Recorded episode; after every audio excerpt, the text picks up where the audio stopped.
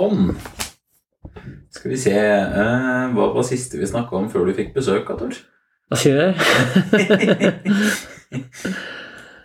Ja, nei, altså, jeg lurer litt på Hadde de, eh, altså Kvalheim-brødrene, hadde de noen favoritt blant distansene? Altså Likte de best 1500, 3000, 5000 eller 10 000? Alle mellomdistanseløpere liker å løpe fort på 1500, og det er jo kongedistansen 50 meter. For, Ja. eh, Men de rykka opp i distanse, og Knut ble veldig god på 5000 og 3000. Han var vel nummer fire i verden, mener jeg, 1974 på 3000-statistikken. Og de var gode på distanser som var fra 1500 til 5000. Men eh, 5000 er jo 12,5 runde, 1500 er eh, snaut fire runder, så det er noen annen måte å løpe på. Men eh, de fleste går på distanse. Men de var mellomdistanseløpere som gikk opp til langdistanse etter hvert. Ja. Særlig På Knut. Særlig Knut. På grunn av alder, eller? Ja, På grunn av at de var, eh, Knut var kanskje for treg, men pga. alder er det naturlig at de går litt opp i distanse. Knut var jo tregere enn Arne. Han, Arne har vel i hvert fall bedre pers på 400 enn Knut. Ja. Knut har vel ikke noe særlig bra pers på 100 meter. Han hadde ikke noe fart i seg, men var jævlig god løper for det. ja. Han Bare ikke, var ikke så god til å springe kort. Nei. Ja, men er det si, Er det vanlig for å kalle det den mellomdistansetypen?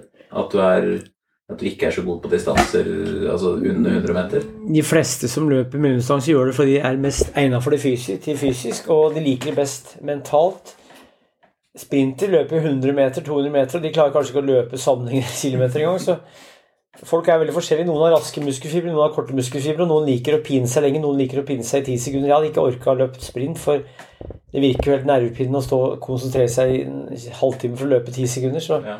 Jeg er, jeg er ikke noen løper, altså, men jeg liker å pine meg lenge, så folk er forskjellige. ja, men det er jo holdt på å si, i forhold til et OL. Da. Hvis du konkurrerer i sprint, så forbereder du deg i fire år på kanskje, kanskje halvannet minutt effektiv konkurranse eller noe sånt. Jeg vet, og hvis du løper sprint og 100 meter bare, så tre, konkurrerer kanskje fire minutter i løpet av en sommer. Det er jo Ja. 24 hundremetere, så det er ganske lite konkurransetid, men Ja. mye i forberedelser og Ja. konsentrasjon på forhånd.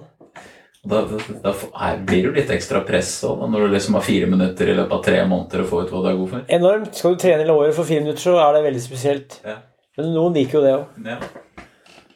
Eh, Arne Nytrø, hvem var det? Fra Selbu og trener i Tjalve. Veldig bra trener. Trener i mange, mange år. Han trente jo bl.a. Audun Boysen i 50-åra. Han trente Brødrene Kvalheim og var en figur, karakter, sterk personlighet i Tjalve som hadde greie på friidrett generelt, og som var spesielt løpetrener. Så han hadde jo holdt på med friidrett sjøl og kunne egentlig mange øvelser i friidrett, han, også, men særlig lang løping som Han var en samlende faktor for klubben, og miljøet var veldig avhengig av eh, Miljøet i en klubb er avhengig av sånne typer som han, for Mm. han var der, og jeg vet ikke om han fikk noe særlig betalt for det, men han var også en ildsjel. Altså Arne Dytrøy i Tjalve i mange, mange år. Eh, Tjalve, åssen Hva for en status hadde de sånn i Oslo? Norges beste klubb. Den er stifta 1890. Norges beste friidrettsklubb. Vi ser 133 år under ett. De er jo stifta for 133 år siden. Mm. Var løpeklubben i Oslo ved siden av Bull og Vidar. Ja. Tjalve byklubb, Bull bondeungdomslagsklubben og Vidar som var en klubb. Så det var flere store klubber i Oslo på 60-tallet, altså, men eh, særlig var Tjalve og Bull store i Ja.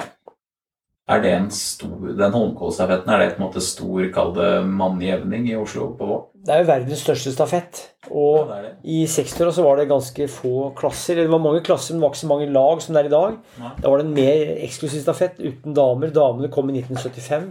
Ja. Så da var det stor stas å vinne Holmenkollstafetten. Det er fortsatt det, altså, men da var det mer tydelig hvem som vant. For i dag så har det jo så mange som er med, men da var det mer eh, rivalisering mellom Bull, Tjalve og Guldal i Bergen.